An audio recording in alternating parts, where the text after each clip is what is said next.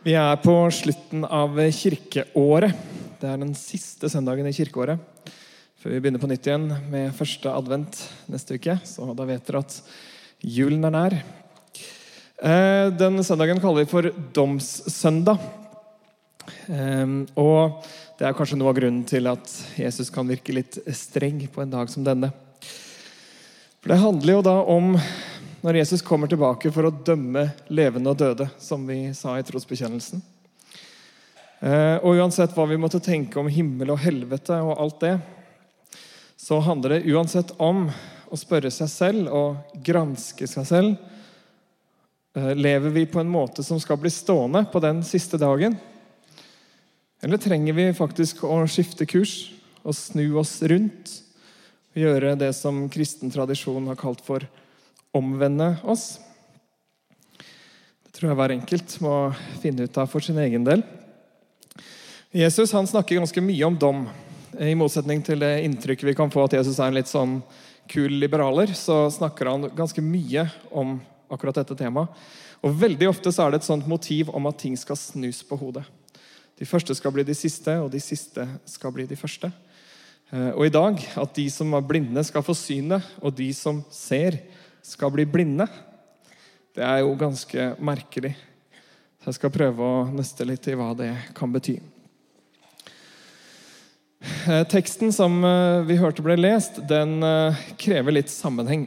For den kommer på slutten av en lang fortelling som kanskje er det nærmeste vi kommer en slags nesten situasjonskomedie i Det nye testamentet. Det begynner med at det sitter en blind mann i veikanten og så kommer Jesus og disiplene forbi. Og de eh, disiplene de finner da det som en anledning til å ta opp et spørsmål som de antagelig har lurt på. De spør er det han som har synda, eller er det foreldrene hans som har synda, som gjør at han sitter her nå og er blind. For han er født blind, nemlig. Han har ikke bare blitt blind, han har vært født blind. Eh, Jesus han bryr seg ikke så mye om å svare på det spørsmålet. Han setter seg ikke ned og klør seg i skjegget og starter en teologisk eh, diskusjon. Nei, han går til aksjon som han pleier. Men ikke helt som han pleier, på en veldig snodig måte. Han spytter på bakken. Så lager han en slags grøt av spytt og sand. Og så smører han det på øynene til mannen. Og så sier han at han skal gå og vaske seg i en dam som heter Siloadammen. Og det gjør han. Og Han kommer tilbake med kliss, eller han går dit da, med spytt og sanddeig i fjeset. Og så kommer han tilbake, men da er ikke Jesus der lenger. Eh, han kan se, men han kan da ikke se Jesus. Eh, han går da tilbake til sitt liv, til sine naboer. Eh, han er jo den samme, men nå kan han jo se. Og Naboene de kjøper ikke historien. De tenker det går ikke an. Det kan ikke være han, eller et eller annet er feil. Fordi er du født blind, da forblir du blind. altså. Sånn er det. Men de skjønner jo ikke noe av dette her, så derfor så går de til fariseerne, de ekspertene på sånne ting, og spør åssen dette her egentlig mulig. Og Fariseerne sin vane tro så fokuserer de på det vi kanskje ikke ville tenkt var hovedsaken. For vi kan jo gjette hvilken dag det var at Jesus gjorde dette. Selvfølgelig på en sabbat, for han gjør stort sett alle sine helbredelser på sabbaten. Eh, jødenes helligdag, som jo ikke, hvor man ikke skulle gjøre noen form for arbeid. Så Sist uke så hørte vi om det samme, og kritikken fra fariseerne er også den samme. At hvis du virkelig frykter Gud, da bryter du ikke Guds lov. Da gjør du ikke det du ikke kan gjøre på sabbaten. Det er greit nok at du redder barnet fra å bli påkjørt, men var det virkelig nødvendig å gå på rødt lys? På en måte. Men samtidig er det noen av fariseerne som syns det er rart. altså Åpne øynene på en som er født blind, det er jo veldig snålt. Det er jo ikke hvem som helst som gjør det. Så blir de uenige, og så kaller de inn foreldrene hans. Som sier at jo da, det er vår sønn, og jo, han var blind da han ble født, og nei, nå kan han se, og vi aner ikke hva som har skjedd. Eh, så kaller de inn mannen igjen eh, og spør han en gang til om dette her. Og han sier jo at jo, det var som jeg har sagt mange ganger nå. Jeg begynner han å erte de litt, og så sier han at kanskje dere også egentlig er interessert i å komme til tro på Jesus fordi at dere spør så innmari fælt. Og Det er jo ikke litt rart at dere ikke forstår dette. her. Dere skulle liksom være de som kunne dette her. De blir ganske sinte på han og kaster han ut og sier at han som er født som en synder tvers igjennom, har ingenting med å skulle belære dem. Så treffer Jesus mannen igjen. og, og eh, sier at det er han som er Jesus, som han kan tro på. Og så kommer vår tekst, hvor han da sier at de som eh, ikke ser, skal få synet, men de som ser, skal bli blinde. Og Fariseerne sier at ja, vi er blinde, da. Vi er jo ikke blinde. Og Jesus sier at nei, nettopp. Så hvorfor kan dere da ikke se? Eh, så hva er det da Jesus mener med det? For Det er klart at det er jo ikke fysisk syn det handler om. Så vidt jeg vet, så var det ingen mennesker som Jesus gjorde blind. Sånn rent fysisk. Eh, så det må handle om å se på en annen måte. Kanskje med et litt sånn, kanskje dumt uttrykk, men jeg fant ikke noe bedre. Kalle det for åndelig blindhet, eller åndelig syn. da. Og hva mener han med det? Eh, Jesus han snakker ganske mye om det å se og det å tyde tidens tegn og sånne ting. Særlig når han snakker om dommen, at vi liksom skal se etter tegn i tiden. På at Guds rike er nær, at enden er nær. Og I min eh, sånn halvkarismatiske ungdom så møtte jeg av og til på den tanken om at vi skulle lete etter sånne skjulte tegn i ting. Enten i hemmelige koder i Bibelen, jeg vet ikke om noen husker dette her, eh, eller verden eh, omkring oss. Det var visakort i et tilfelle, husker jeg, som liksom skulle være dyrets merke eller et eller annet sånt forferdelig. Eh, det handler om ting, noe du trenger en spesiell åndelig kunnskap for å se. Så det går an å tenke seg da, at åndelig blindhet det handler om å ha denne spesielle innsikten, eller å mangle denne spesielle innsikten, den spesielle kunnskapen, som gjør at du forstår det ingen andre kan forstå.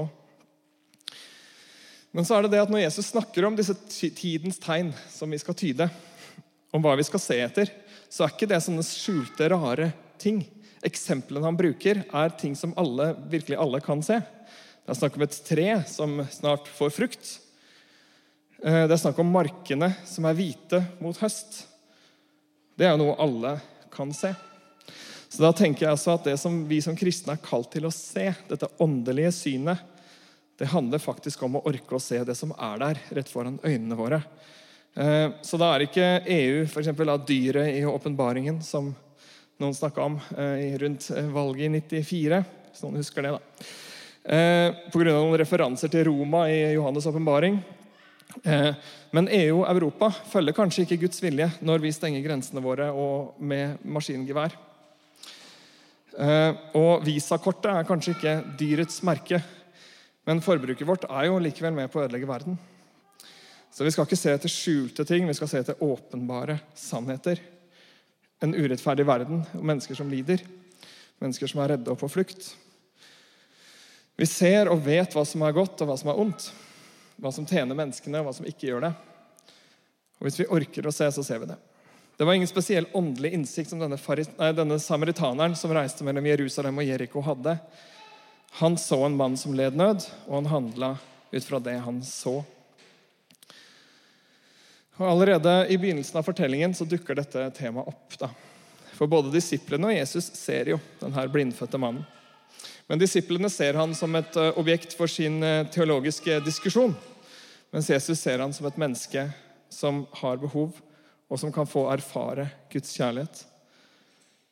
Disiplene har en annen interesse med spørsmålene sine. Og fariseerne har en helt annen interesse. De vil beskytte sin tolkning av loven og ønsker ikke å få øye på at her er det faktisk en mann som har fått synet tilbake. Som han kanskje kunne glede seg over. Eh, og når jeg tenker på det, så må jeg nok si jeg kanskje tenker på meg selv der jeg går nedover gata og kanskje bruker en teoretisk tvil om motiver og bakmenn og generelle verdensproblemer for å for, forsvare for meg selv hvorfor jeg bare går forbi de tiggerne. Eh, fordi det er vanskeligere å se et menneske som bare sitter der og lurer på bryr du deg om meg. Måten vi bruker blikket vårt på, er ikke nøytral. Å se det er noe mye mer enn bare å observere. Blikket vårt avslører en interesse, hva vi bryr oss om, hva vi velger å se, og hvordan vi velger å se det. Da jeg var liten, så hadde vi noen sånne faste replikkvekslinger hjemme. En av dem var at hvis noen av oss ikke fant noe, selv om det lå rett foran øynene våre, så sa vi det første man blir blind på, det er øya. Og Da kunne ikke min alvorlige, litt filosofisk anlagte mor eh, annet enn å si nei. Det første man blir blind på, det er hjertet. Og vi ville himle med øya, og livet ville gå videre. Og Selv om det kanskje høres litt banalt ut, så tenker jeg at det er kanskje ikke noen bedre måte å si det på. For det er sant. Eh, det var sant da, og det er sant nå. Det går an å være blind på hjertet. Eh, det er den måten å se på som egentlig ikke ser, men som ser bort fra, eller overser, eller ser igjennom. Eller ser likegyldig på, eller ser ned på. Ser som noe vi kan bruke, eller se på med onde øyne. Tenk på Kain, fylt av hat mot sin bror og misunnelse fordi eh, Abels offer ble tatt imot. Det var mord i blikket hans, og mord ble det. Tenk på kong David den gangen han sto i vinduet sitt og så Batseba bade. Blikk fylt av begjær, et blikk som bare ville ha for enhver pris. Han så ikke henne, ikke hennes historie, ikke hennes perspektiv, ikke hennes ønsker. Han så bare en mulighet til å få mer, selv om han hadde alt fra før. Eller tenk på blikket til Saul, som altså ble Paulus etter at han vendte om, som sto og så på Stefanus, den første kristne martyren, bli henretta. Et selvrettferdig blikk, fylt av forakt mot alle som ikke levde opp til hans krav. Det går an å se mennesker slik at de blir små og uviktige og uverdige. Da er hjertet blindt, selv om øynene ser. Eh, men det går an å se mennesker også slik at de blir store, viktige og verdige. Og Teksten i dag forteller oss at også på den siste dagen skal det telle hvordan vi så. Den som ser sin bror lide nød og lukker sitt hjerte til for ham, hvordan kan han ha Guds kjærlighet i seg? står det i et av brevene til Johannes i Det nye testamentet. Jeg merker at det treffer meg, for jeg føler ikke at jeg har noe måte, troverdighet til å stå her og snakke om det. Eh, fordi det er jammen ikke så lett. Kanskje i en hverdag som er full av alt mulig eh, som jeg er opptatt av. Eh, vanskelig det kan være å se.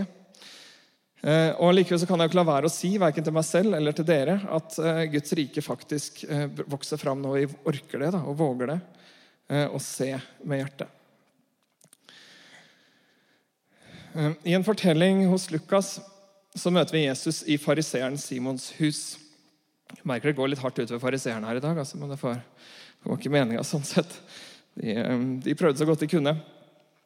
Men plutselig kommer det en kvinne dit som det står i teksten at levde et syndefullt liv. Hun var nok prostituert. Det er nok det det betyr. Hun gjør skandale. Hun vasker føttene med tårene sine og tørker dem med hårene sine. Og En tilnærming som nok fremsto rimelig upassende kan du si, for de folka som var der. Eh, Simon han tenker sitt, at hvis denne mannen var en profet, da ville han vite hva slags kvinne det er som rører ved ham. Eh, og Jesus han forteller en lignelse, og etter det så sier han, 'Ser du denne kvinnen?' Ikke 'ser du hva slags kvinne dette er', men 'ser du denne kvinnen'? Og det gjør han jo ikke. Han ser fordommene mot henne. Han ser ryktet som går foran henne. Han ser hva folk ville si. Men Jesus ser henne. Så det er han vi kan lære dette av. Hvordan vi kan se hverandre, se forbi fasadene. Men det er også andre i Bibelen fra litt overraskende steder som kan vise oss hva dette kan handle om. For senere, når alt har begynt å røyne på hos Jesus, da er det han som er den utstøtte. De kler han opp i en purpurkappe og gir han en tornekrone for å gjøre narr av ham og krenke han og latterliggjøre han som hadde sagt at han var konge. Og Da er det Pilatus, Pontius Pilatus, kanskje en av verdenshistoriens mest mislikte mennesker, eh, som en feiging som ikke turte å stå opp for eh, det han sto for, som plutselig får øye på Jesus, mennesket Jesus. Ikke tilfellet, trusselen eller oppvigleren Jesus. Og han utbryter 'Se dette mennesket'. Men folkemengden ser ikke han. De ser en trussel. De vil ha han korsfesta, og de får sin vilje.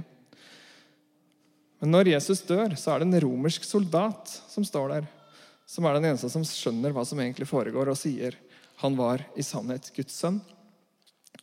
To romere, altså, okkupanter, virkelig fienden i et jødisk perspektiv, ser hvem Jesus er. De ser at når han lider, så forener han både det guddommelige og det menneskelige. Viser oss både hvem Gud er, og hvem mennesket er. Og det, det, gir et visst håp, tenker jeg, at vi trenger ikke å være religiøse supermann eller supermenn eller moralsk uklanderlige for å kunne se. Det kan faktisk være en fordel får man inntrykk av mange steder, å være litt enkel i huet når det gjelder akkurat det der. For det å se Gud og det å se mennesker, det er ingen motsetning. Kristendom det handler ikke om en innsikt inn i verdens skjulte gåter. Det handler om å åpne øynene for virkeligheten. Virkeligheten om oss selv, at vi er bærere av Guds bilde. At vi ofte ser på oss selv og ikke slipper andre inn. Virkeligheten om vår neste, som også er bærere av Guds bilde. Som er mennesker som vi har ansvar for og mulighet for å hjelpe. Og virkeligheten om Gud, at Gud er kjærlighet. For Gud ser på oss med et blikk som er fullt av ømhet og medlidenhet. Med et blikk som setter oss fri og reiser oss opp og skaper noe nytt. Og gir et rom å leve i. Og Når vi møter det blikket, da er det Jesus vi ser. Han som reiste opp mennesker til verdighet og fellesskap. Og på den siste dagen er det også det blikket vi skal se. For det er Jesus som er dommeren.